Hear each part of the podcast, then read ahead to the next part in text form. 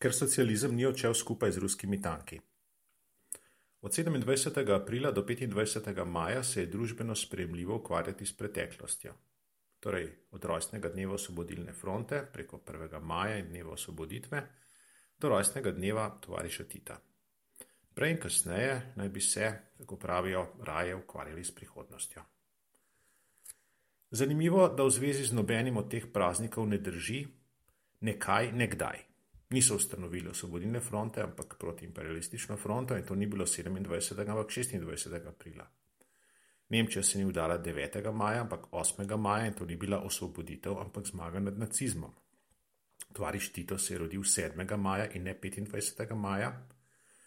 In to ni bil rojstni dan, ampak dan mladosti. Samo 1. maj je res in zagotovo 1. maja in je res in zagotovo mednarodni praznik dela. Rojstnih dni političnih voditeljev se ne praznuje. V nekaterih monarhijah praznujejo rojstni dan kralja ali kraljice. Celo s priporočilom, da se to praznuje, ne glede na to, kdaj je v resnici rojen, torej da se to praznuje konec maja ali v začetku junija, ker je takrat vreme na severni hemisferi primerno za ceremonije na prostem, ne glede na dan rojstva. Tega se je držal tudi tovariš Tito, ki seveda ni bil kralj, Je pa uporabljal rezidence jugoslovanskih kraljev od Bleda in Brda do Beograda, Brionov in Bunkerja v Bugojnu, če naštejemo samo tiste na črko B. Sicer je vsak diktator, ki je dal kaj nase, gradil kult osebnosti tako, da si je dal praznovati svoj rojstni dan. Hitlerjev rojstni dan so praznovali od leta 1933 naprej, za njegov 50. rojstni dan leta 1939 pa je to postal državni praznik z veliko parado. Lepemu, jasnemu vremenu brez oblačka so rekli Hitler veter, torej Hitlerovo vreme. Prej v cesarstvu so takemu vremenu rekli cesarsko vreme ali po naše carski dan.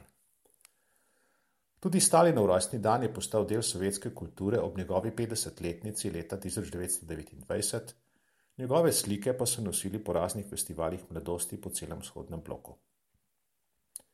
Titova 50-letnica je padla v leto 1942 so pa njegov rojstni dan praznovali tako od leta 1945 naprej. Tri leta po Stalinovi smrti so vse skupaj premenovali v dan mladosti, ker je kult osebnosti v Jugoslaviji, torej po sovjetski destalinizaciji, začel biti v oči. Ni treba veliko, da ljudje take reči radi praznujejo. Spomladi ni samo vreme boljše, tudi hormoni več in bolje delajo, bliža se konec šole. Odpadal je pouk, na mesto pouka so bile proslave in pohodi v naravo. Če pa je pouk bil, je bila šolska malica boljša. V tem času je sicer veliko cvetnega prahu, sploh na, sploh na nepokošenih travnikih v bžici, ampak alergičnih je malo. Velika večina ima na pomlad in športne dneve lepe spomine. Kot so bili vedeli že kralji, maja je vreme primerno za praznovanje. Jonathan Hyde bi pojasnil, da kult osebnosti ljudje postavijo na moralni temelj spoštovanja, ki se je skozi človeško evolucijo razvil, ker se je obneslo, da so v plemenih spoštovali svoje voditelje in se niso notranje izčrpavali v bojih za oblast in prevlado. Več energije so lahko namenili iskanju hrane in bojem s plemeni, ki so se borili za isto hrano. Kulti osebnosti zlorabljajo ta predsodek, torej to nagnjenost iskanja voditeljev. Spoštovanje je samo eden od temeljev, na katerih slonijo naši moralni občutki. Še nekaj takih temeljev je in posledično velikih tem, ki se nas dotaknejo, ki premikajo množice in ne potrebujejo razuma, da bi se v zvezi z njimi opredelili. Prirojen je naprimer občutek skrbi za sočloveka. Zato naprimer začutimo veliko skrb, sočutje, ko spremljamo poročilo o afriških revežih, ki tonejo pri prečkanju sredozemlja. Smilijo se nam in radi bi kaj naredili za nje. Zaradi prirojenega občutka za skupnost, ki nas je povezal v plemena in narode, ognjevito navijamo za našo smočarko, za nacionalno reprezentanco ali za mestni klub. Morda obesimo zastavo, morda se nam naježijo kocine, ko zaigra himna. V zadnjih stoletjih so se zgodovinski premiki dogajali na teh temeljih, na socialnih, torej v zvezi s skrbjo, ali na nacionalnih, torej vezano na pripadnost. Torej zato, ker je nekdo igral na naš občutek za sočutje ali na naš občutek za pripadnost. Na prvo so se naslanjale notranje socialne revolucije, na drugo mednarodni spori. Socializma so se rešili v glavnem tam, kjer je odšel skupaj s tujimi tanki. Tam je ena velika skupina občutkov, pripadnost nacionalni skupnosti, lahko pomagala uničiti diktaturo, ki se je legitimirala skozi naslanjanje na občutek za socialo in sočutje. Čehi so enako energijo usmerili v demontažo socializma, kot jo je njihova hokejska reprezentanca usmerila v igro proti Sovjetski zvezi. Ko so odšli Rusi, je to oslabilo njihove domače pomagače. Skupaj z ruskimi tanki je socializem zapustil vse članice Varšavskega sporazuma, razen seveda same Rusije.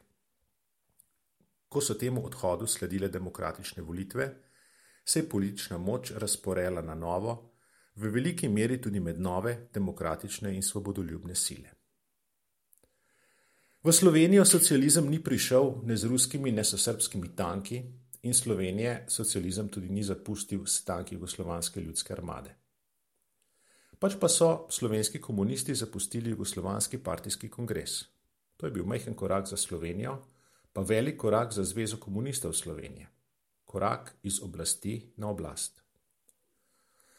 Za razliko od komunistov držav vzhodnega bloka, ki so se lahko naslanjali samo na bankrotirano socialno dimenzijo, so slovenski komunisti igrali na nacionalno karto.